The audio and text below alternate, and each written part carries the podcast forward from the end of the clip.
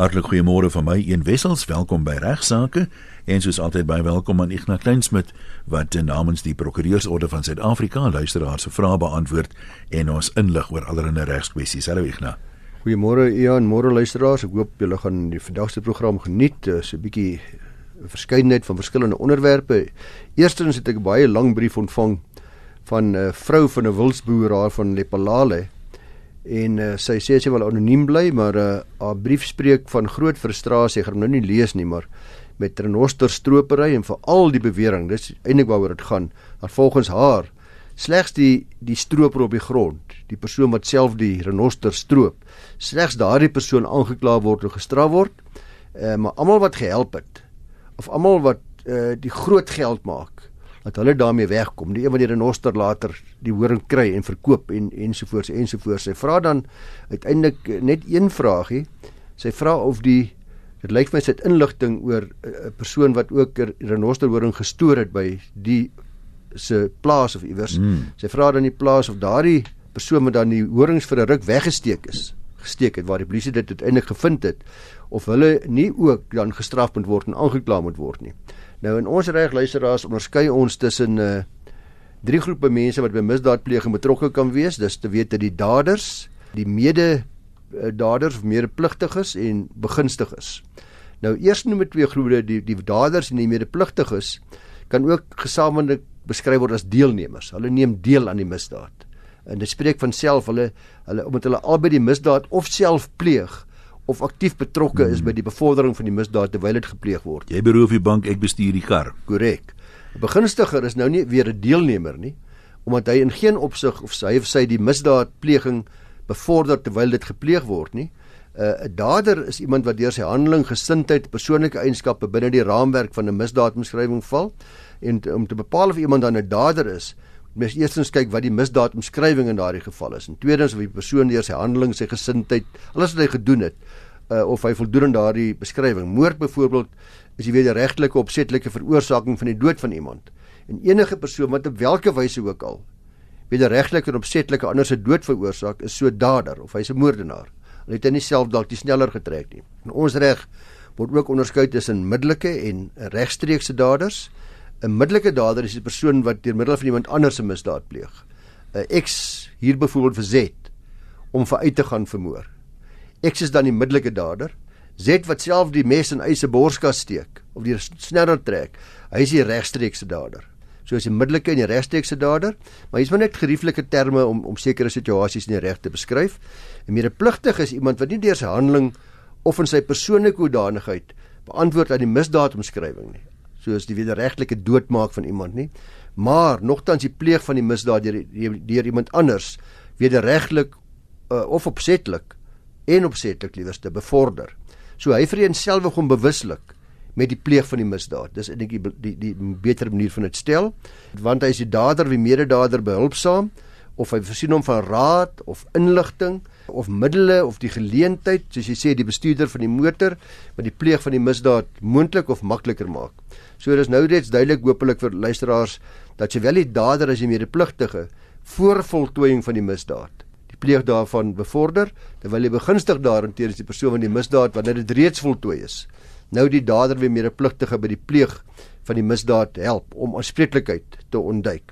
Net die beste voorbeeld byvoorbeeld nou weer van 'n begunstiger is die persoon wat nadat die moord gepleeg is, dat die moordenaar help om van die liggaam ontslae te raak of hy help sleep aan die liggaam weg om dit in 'n gat te gaan begrawe. Die begunstiger kom eers nou nadat die misdaad voltooi is vir die eerste keer in die prentjie en hy help nou byvoorbeeld om die lijk weg te steek in sy huis. Soos ons nou gepraat het hierso van ons luisteraar se vraag die horing te gaan wegsteek terwyl die polisie soek na die horings op 'n geheime plek in sy stoor of waar ook nogal.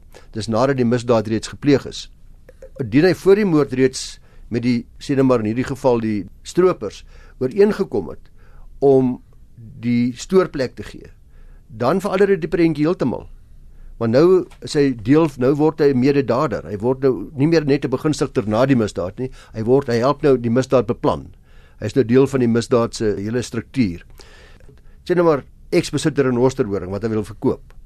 Hy vra sy vriend P om dit namens hom te verkoop uh, en bied weer aan dat P dan 'n gedeelte van die koopsommeskommissie vir homself kan hou. P sukkel om 'n koper te kry, maar sy vriend kies later in om uit die vernemende koper aan P voor te stel. R se afgeleë huis word tot P se beskikking gestel sodat die transaksie daar beplink kan word. En 'n ander persoon weer sê maar die die tussen kan die horing in my huis lê om weggesteek te word. So as ons almal deel die luisteraars se frustrasie uh, met veral die werklike organiseerders want dit is werklik so daar's baie mense wat sê hulle kom weg maar nou moet ek sê die rede daarvoor is al hierdie mense wat ek nou gesê het wat ek almal wat, wat ek genoem het word skuldig bevind aan dieselfde misdaad uiteindelik begunstigde mededader medepligtige die straf is ook aan kan ook aansienlik wees let hy dieself uh die die renoster gestroop nie. Die persoon wat uiteindelik die groot syndikaat is wat agter die renoster stropery sit, hulle sal beslis die grootste strawe kry. Omdat hulle die instigeerders is en die beplanners is en die persone wat die meeste wins hieruit maak. Maar om hulle vas te trek is nie so maklik nie want gewoonlik is hulle redelik gesigloos. Hulle is gewoonlik uh naamloos. Hulle wys hulle self glad nie en jy vind dikwels by renoster stropery dat die dat die persoon wat gevang word of hy nou gemartel word na bewering deur die polisie of nie, maar hy het werklik geen inligting nie. Hy hy het op 'n manier sy geld gekry wat wat hy nie die persoon wat dit betaal het wat gereël het kan opspoor nie. Is redelik algemeen by hierdie smokkelnetwerke of so ook die meesterbrein sy identiteit is nie bekend aan die ouens wat hier op voetsoolvlak wie die perlemoen uithaal op die dwelms uh, rondry of ja. wat ook al nie. Maar die die boodskap my luisteraars eh, een is so reg, maar die boodskap is maar moenie dink jy is onskuldig as jy net vir jou vriend 'n skuilings bied terwyl hy vlug vir die polisie nie. Of vir die polisie jok oor waar jy hom gesien het of nie gesien het nie. Uh of vir hom help om 'n oproep te maak om vinnig 'n vliegtuigkaartjie te bespreek sodat hy die land kan uitvlug nie. Al daardie aksies wat deel is van sy ontvlugtingsproses is deel van die misdaad en dis die begunstiging as begunstiger van die misdaad. Strawwe gewoonlik 'n bietjie ligter as wat die dader en die mededader die medepligtige is, maar nogtans baie swaar strawwe. Sê hulle in die army altyd, jong man, laat dit vir jou lees is. Dan in Himansdorp, luisteraars, dit gaan hier oor 'n brand wat versprei van die buurman se grond. Himansdorp was daar 'n baie interessante saak gewees waar 'n grondeienaar wie se plantasie afgebrand het nadat die vuur van sy buurman se grond versprei het en sy hele plantasie vernietig het, 'n eis ingestel het. Die brand het ontstaan op 'n gedeelte van die buurman se grond wat bedek was met digte uitheemse bosse wat hoogs vlambaar van aard was. Die brand het ook vinnig versprei as gevolg van 'n sterk wind wat gewaaai het. Nou ek ken die wêreld daar in Himansdorp, weet daai daai soos baie soos Wenys nou ook. Ons het gesien hoe vinnig daai brande versprei het met hierdie Dis nie so ver van Port Elizabeth af nie. Nee, dis waar die ja. dis mos die ja. Windy City. Nou as gevolg van die groot skade wat die grondeienaar gelei het, het hy 'n eis van 23 miljoen rand teen sy buurman ingestel. Uh die hof het sy eis verwerp want die hof het gesê hy het uh, hy kon nie sy eis behoorlik bewys het nie en natuurlik het die grondeienaar uh, geappeleer.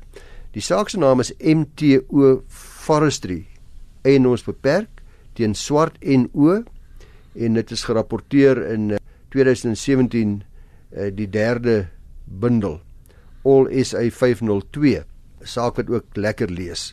Die eerste element waarna die hof gekyk het, was die gedrag of handeling van die buurman. Die grondeienaar het die hof gevra om, om nie die buurman verantwoordelik te hou vir die begin van die vuur nie. Dit was nie die basis van sy eis nie dat, die, dat hy die vuur aangesteek het nie, mm -hmm. maar wel vir die feit dat hy die skade moes kon voorsien het en nie betyds daarop gereageer het nie. Die hof het gekyk na die buurman se optrede en vasgestel dat die buurman heelwat voorsieningsmaatreëls teen brand in plek gehad het op sy plaas. Die buurman het dadelik gereageer ook op die brand. Het ook dadelik sy gekontrakteerde brandweerman uit uit 'n groep wat hy 'n kontrak gehad het. Manne is daar brand is dan hier hier hier is my kontrak met julle. Julle moet binne so tyd reaksietyd hê ensovoorts. Hy het so 'n kontrak in plek gehad. Hy het hulle dadelik geskakel om te kom help. En uh die buurman het ook nie gefaal in sy plig om so gou as moontlik te reageer nie. Maar die tweede element wat die hof bespreek het, was die element van onregmatigheid. Nou wanneer mens kyk na onregmatigheid by oorweging van hierdie element, dan word alle omstandighede in ag geneem om te bepaal of die buurman verkeerd opgetree het of hy eintlik anders moes op as wat die redelike boere na die omstandighede sou optree of 'n redelike buurman dan. Die hof het hier klem geplaas daarop dat die buurman dadelik gereageer het op die brand en ook die brand probeer keer het. Die feit dat die veld droog was en daar wind gewaai het, is natuurlik omstandighede wat die brandverspreiding erg vererger het. Die feit dat die buurman moes voorsien het dat hy vlambare plante het wat die brand kon vererger, sê die hof moet egter nie hier vir onregmatigheid in aanmerking geneem word nie. Die hof maak dit duidelik dat voorsienbaarheid van skade wat kan intree nie 'n element is om onregmatigheid te bewys nie. Maar die vierde element wel, dis waar dat bekend as skuld. Aan die ander die element van skuld, opset of nalatigheid en opsigte van die skade wat gelei is deur die grondeienaar, sê die hof hoef dit nie te bewys nie, dis duidelik. Hy het dit bewys, die plantasie het afgebrand, baie groot verliese gelei. Uh, die 23 miljoen rand lyk reg. Die plantasie het afgebrand. Die hof het in opsigte van die skuldelement gesê, nou moet ons kyk of daar of hierdie brand eerstens opsetlik deur die buurman begin is. Hy sê dit is beslis nie so nie. Daar is geen twyfel daaraan nie. En die buurman het onmiddellik gereageer. Die hof sê omstandighede buite sy beheer het die brand versprei ten opsigte ten spyte van brandweerspanne wat ook probeer help het. En indien die buurman wel sy vlambare uitheemse plante verwyder het, kon dit natuurlik toekomstige verspreiding voorkom het. Maar hy sê nou is die vraag oor nalatigheid. Was hy nalatig om nie al daardie vlambare plante, die inheemse bosse daar te verwyder nie omdat daardie moontlikheid is dat dit vinnig kan brand nie. Die hof sê nee. Maar da, daarmee saam moet 'n mens seker vra, hoekom is dit daar? Ek meen dit natuurlik daar opgekom het, dit een van die ekonomiese doel vir hom. Want die dennebome is is is uitheems. In die hele Ooskaap lyk presies dieselfde en is seker wel groot dele daar in daai wêreld. En die hof sê tereg ja. Ja, dit is so. As dit as die plante nie daar was nie, dan sou dit die verspreiding waarskynlik 'n bietjie minder vinnig gemaak het van die vuur. Maar die hof sê sy versuim om dit te verwyder, dui nie op nalatigheid nie wat wel nalatig sou wees as as hy nie genoeg voorsorgmaatreëls, redelike voorsorgmaatreëls in plek gestel het wat die redelike boer ook sou doen in dieselfde omstandighede om brande te probeer voorkom en so gou as moontlik te probeer blus nie.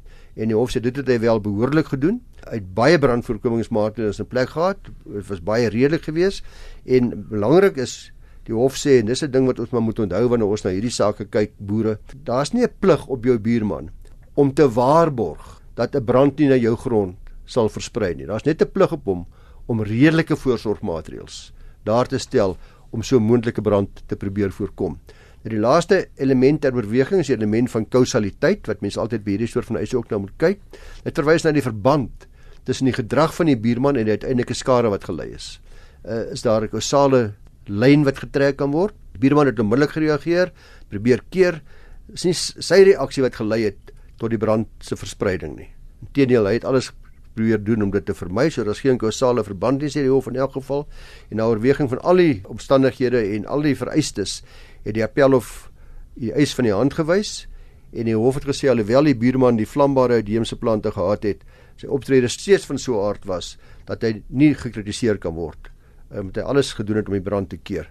Soos ek sê hierdie hofsaak uh, is in die appelhof uh, lewer uh, teen die einde van 2017, 22 Mei 2017. Ek is nou dankbaar namens die buurman, maar hierdie tipe bedrag, 23 miljoen rand, dit sê vir 'n mens wat se tipe eise moontlik, jy weet in jou kan slaag as jy nie die nodige voorsorg getref ja, het nie. Ja, en dit kan nou finansiëel reëneer, né?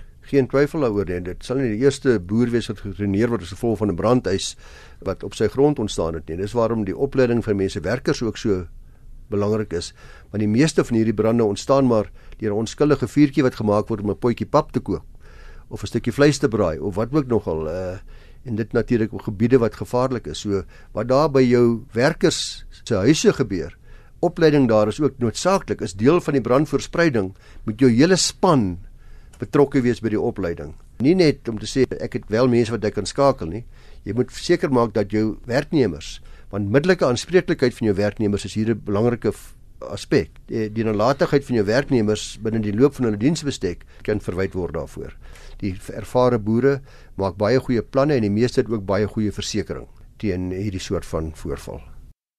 Ian, ek het die afgelope paar jaar of eintlik 'n jaar of dalk minder soveel navraag gekry en ek weet jy dalk ook oor Bitcoin en of die reg beskerming bied. Dis 'n goeie vraag. Ja. Ek het jy moes gesê Uh, ek weet nie veel van Bitcoin nie, maar ek weet die die geldeenheid in Orania is blykbaar Bitcoin. ja, nou ek het nog nooit hierdie navraag beantwoord nie.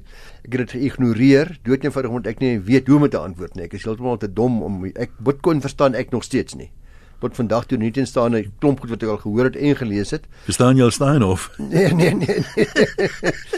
so so ek vra verskoning aan die mense wat geskryf het en navragies gerig het, maar uh, wat daar is definitief geen twyfel nie alhoewel hierdie 'n bespreking word by 'n finansiële program, is daar baie regsaspekte. Ja, ook ja. betrokke by die hele uh, saak en ek het nou in die die Rebus regstydskrif uiteindelik nou 'n bietjie 'n artikel raak geloop in Desember 2007 is dit die Rebus wat 'n baie mooi opsomming is deur 'n uh, prokureur 'n kollega met die naam van Jason de Mink van de Mink Prokureurs daar in Kaapstad en ek neem my vrymoedigheid om hom te bedank hiervoor want dit is 'n netjies 'n mooi vir my as 'n leek begin ek nou bietjie beter, beter verstaan hoe dit werk en ek haal aan uit hierdie artikel uit. Tegnologie sê hy ontwikkel teen die spoed van witlig. Die nuutste ontwikkeling wat die ronde doen in die nuus is Bitcoin. Bitcoin sê is 'n cryptocurrency, ek het dit maar vertaal hier met 'n kripto geldeenheid, ook bekend as 'n virtual currency, 'n virtuele geldeenheid. Dit is natuurlik nie die enigste vorm van virtuele geldeenheid nie, daar's baie ander, maar hy sê dit staan die mees bekende. Uh, en hy sê alhoewel Bitcoin die afgelope jaar gereeld die nuusopskrifte haal, is baie mense nog onseker oor presies wat dit behels en hoe dit werk en wat se beskerming daar is. Op 25 Januarie, dis interessant, sê hy wat die waarde van 'n 1 Bitcoin 894 FSA dollars. Daai 25 Januarie is dit in 2017. 2017. Ja. Eers 1 jaar later op 24 Januarie 2018 was die waarde van dieselfde Bitcoin nou van R894 af na R10839. En die hoogste wat die waarde was in die afgelope 12 maande, hierdie artikel terloops is, is is nou net hier in Januarie 2018 geskryf, eh, was op 16 Desember 2017. Toe was dit 19000. Onthou 'n maand later is dit af na 10800 toe. Uh, Verenigde State dollars, US dollars. Die hoofrede hoekom Bitcoin so ontloklik is, omdat bemark word as 'n geldeenheid waarby jy na vrye wil oor landsgrense hierin kan handel. Terselfdertyd verskaf dit anonimiteit en sekuriteit aan die handelaars daarvan, as gevolg van die streng privaatheid en sekuriteitsmaatreëls. Hierdie maatreëls het tot gevolg dat dit baie moeilik dit dis wat die reg nou by betrokke begin raak en byna onmoontlik is om te vervals. Virtuele geldene stel mense in staat om met hulle finansies te handel. Dis nou ook belangrik sonder inmenging van banke en sonder regeringsinmenging. Regering kan hierdie goed nie optel nie. As gevolg hiervan veroorsaak hierdie tipe geldeenhede 'n groot kopseer vir wetstoepassers, aan die ander wyse vir regerings. Dis baie maklik vir kriminele om misdade te pleeg met hierdie geldeenhede omdat hierdie geldeenheid anonimiteit aan die handelaar verskaf. Virtuele geldeenhede kan ook 'n baie negatiewe impak hê op elke land se eie geldwaarde wat weer regsimplikasies het. Huidigelik word die gebruik van virtuele geldeenhede nog net deur Kanada gereguleer, sê hy. Uh meneer De Mink, maar nog nie deur enige ander land nie. Dis in Desember 2017. Dis egter onvermybaar dat al hoe meer lande binnekort wetgewing in plek sal hê om handel dryf met hierdie virtuele geldeenhede te reguleer. Daar's ook sekere lande alreeds soos Rusland, China, Bangladesh en Vietnam wat reeds hierdie virtuele geldeenhede onwettig verklaar het. Nou so hulle reguleer dit en dis bloot onwettig. Onwettig, dis reg. Nog net uh, hy sê volgens hom is nog net die een land Kanada wat werklike regulasies daar gestel het. Suid-Afrikaanse Reservebank reguleer op hierdie stadium nog glad nie virtuele geldeenhede in Suid-Afrika nie en voer hulle aan dat dit nog geen materiële risiko vir die finansiële stabiliteit vir Suid-Afrika inhou nie. En daar verwys hy na as iemand belangstel kan hulle daarna gaan kyk dat die Suid-Afrikaanse Reservebank het 'n dokument gepubliseer, South African Reserve Bank Position Paper on Virtual Currencies, so lank terug as Desember 2014. South African Reserve Bank Position Paper on Virtual Currencies. So hulle het reeds in 2014 begin kyk hierna en gesê wel, is nog nie nodig om te reguleer nie, maar hulle het wel die die Suid-Afrikaanse nasionale tesourie het egter reeds 'n waarskuwing uitgereik en mense aangemaan om baie versigtig om te gaan met virtuele geldeenhede. Nou luister aan Suid-Afrika is die Reservebank wat regstegnies uh, in wetgewing betref die enigste entiteit wat note en muntstukke mag uitreik en onthou nou virtuele geldeenhede word nie deur enige land uitgereik nie. En hier is iets met Bitcoin of enige geldeenheid wil betaal, loop jy die risiko dat jou betaling nie deur skuldeisers of die Suid-Afrikaanse reg geag sal kan word as 'n betaling nie. Want ons Reservebank is die enigste bank wat regstegnies geld mag skep. Dis kommerwekkend dat die Reservebank nie genoeg agslaan op virtuele geldeenhede nie. Dis nou die kritiek hier van uh, die skrywer se kant af. Aangesien dit 'n geweldige negatiewe impak op 'n land se ekonomie kan hê. So hulle behoort bekommerd te wees. Hoe meer mense hierdie geldeenhede gebruik, hoe minder is die aanvraag na die rand En aangesien Bitcoin anoniem is, kan mense aanvaar dat transaksies aangegaan word sonder dat daar belasting daarop betaal word. So dis ook 'n groot bron van kommer vir 'n regering behoort te wees en ook vir die Reserwebank. Nou wetstoepassers sê meneer De Mink is glad nie bevoeg of toegerus met die nodige maatstawwe om misdade wat met behulp van hierdie geld ene gepleeg word te bekamp nie. Dis 'n groot probleem vir ons vir die van u wat Bitcoin het. Die blote feit dat Bitcoin anonimiteit aan sy eienaar verskaf, beteken dat kriminele enige transaksie eerder met Bitcoin kan betaal aangesien dit nie hulle identiteit sal uitlap nie. Dis 'n lekker manier van waar hoe hulle hulle hulle hulle kriminele aksies kan bevorder. Die gebruik van Bitcoin in misdade soos mensehandel en terrorisme moet tog sekerlik genoeg wees om elke regering tot aksie te dryf, te dwing om virtuele geldeenhede behoorlik te reguleer. So dan sê die skrywer dit sal wys weer vir Suid-Afrika en elke ander land om so gou as moontlik Kanada se voorbeeld te volg om wetgewing en regulasies in plek te stel om die gebruik van hierdie virtuele geldeenhede te reguleer. Hoe afdwingbaar sou dit wees? Dit klink vir my dis moeilik om om jou vinger op die pols van Bitcoin te hou. Nou jy regulasies, maar is dit maklik om dit af te dwing? Ons sal hierdie spasie moet dophou. Hierdie artikel maak nou geen melding van hoe die Kanadese regulasies inderdaad lyk nie, maar dit is baie duidelik dat hierdie kollega van ons wel 'n studie gemaak het en hy van mening is hmm. dat Kanada se voorbeeld te volg ons wel tot 'n groot mate die probleem kan wel gedeeltelik waarskynlik oplos en makliker maak om te hanteer.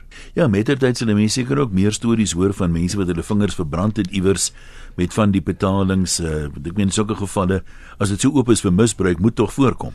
Ek dink gouer as wat ons dink dat dit gaan gebeur.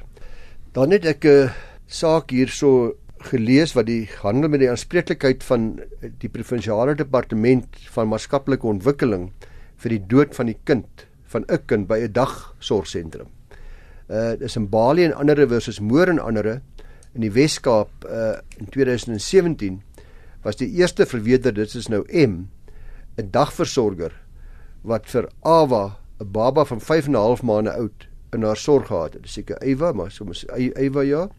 Sy het die slapende kind op 'n bed in die slaapkamer gelos om vir haar bottel te gemaak. En toe sy na 45 minute teruggekom het, het die baba uit die bed geval en op die vloer doodgelê, gesterf. Gevolglik het die baba se ouers vir beide M sowel as die provinsiale departement van maatskaplike ontwikkeling in die Wes-Kaap, onthou nou hulle was in beheer van hierdie dagsorgsentrum, gedagvaar. Uh sy is gedagvaar die oppasser omdat sy nie behoorlik na die baba omgesien het nie, terwyl die baba onder haar beheer en toesig was nie. Die departement is weer gedagvaar van die maatskaplike ontwikkelingsdepartement gedagvaar as gevolg van die verbreeking van die verpligtinge volgens die grondwet en die kinderwet, dis die 2005 wet om behoorlik hierdie sorgsentrum, dagsorgsentrums te reguleer en te beheer. Dit het gebleik dat die dagsorgsentrum nie geregistreer was nie en dat die spesifieke versorger hier M ook nie gekwalifiseer of opgelei was om hierdie dagsorgdienste te lewer. Die hof bevind dat die waarskynlike oorsaak van die dood van die baba was dat sy van die bed af gerol en versmoor het nadat die baba sonder toesig agtergelaat was sonder dat M vooraf die baba op 'n veilige plek gesit het waar sy met ander woorde nie kan afrol nie en nie kon gebeur wat wel gebeur het nie. Gevolglik word beide M sowel as die departement gesamentlik en afsonderlik aanspreeklik gehou vir die verlies, die skade as ook die koste. Die bepaling van die bedrag verskillig was egter nog was uitgestel, maar die hof bevind dat die, die departement se verpligting was en dis belangrik om die beskerming en bevordering van die regte van kinders ooreenkomstig artikel 28 van die grondwet te verseker en te bevorder. Die departement het 'n plig gehad om toe te sien dat die dagsorgsentrum se fasiliteite, dienste en programme goed bestuur en in stand gehou word. Luisteraars, dit sluit al die ander dagsorgsentrums in die land in, nie net hierdie ene nie, almal waar u kinders ook moontlik mag wees. Departement se plig om toe te sien dat daar die nodige fasiliteite is en dat die dienste en programme daar in lyn is met wat die wetgewer vereis. Dit was verder van belang om toe te sien dat die nodige registrasies in plek was, hierdie plekke geregistreer word. En hoekom word hulle geregistreer? Sodat daar beheer moet wees, sodat daar gesien kan word of die kwaliteit behoorlik is. Uh en verder om toe te sien dat die personeel by al hierdie dagsentrums behoorlik gekwalifiseer is, soos vereis deur die basiese gesondheids- en veiligheidsstandaarde van hierdie departement. So die departement het het het, het hier versuim om daarna te kyk en die hof sê indien die departement die versorger se aansoek goed nagegaan het en die perseel net een keer besoek het as hulle die evaluering gedoen het sodat die departement besef het dat hierdie versorger is nie opgelei nie, sy is nie behoorlik gekwalifiseer om om te sien na babas nie. Uh hulle het hulle min gesteer die departement in hierdie geval aan die veilige die al die die reëls oor veilige slaappraktyke by hierdie plekke van van versorging en dit is nooit geïmplementeer nie en die hof kritiseer die departement nogal regtig redelik lekker kras omdat hulle nie hulle funksies behoorlik nagekom het nie en sê dat hulle sonder twyfel verantwoordelik van die die, die dood vir die baba wat voorkom kon wees as hulle hulle werk gedoen het. Die uitspraak uh, noem egter nie verder wat uh, moet en moet gebeur nie behalwe dit soos ek sê dis gesamentlik en afsonderlik want sy het in elk geval reeds die land verlaat en daar was op 'n vroeë stadium al reeds verstekvonnis teen haar gegee. In hierdie saak word nou die vonnis ook gegee teen die uitspraak ook gelewer teen die departement. Ek nou sê vir jou baie dankie ons maak volgende maandag weer so.